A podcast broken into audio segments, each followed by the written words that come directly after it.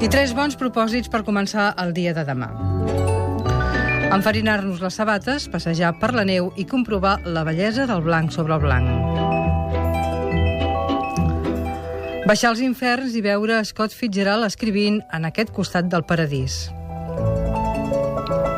I ara que falta un mes per Sant Esteve, menjar canelons cada dia i quan arribi el 26, declarar-nos en vaga de foam.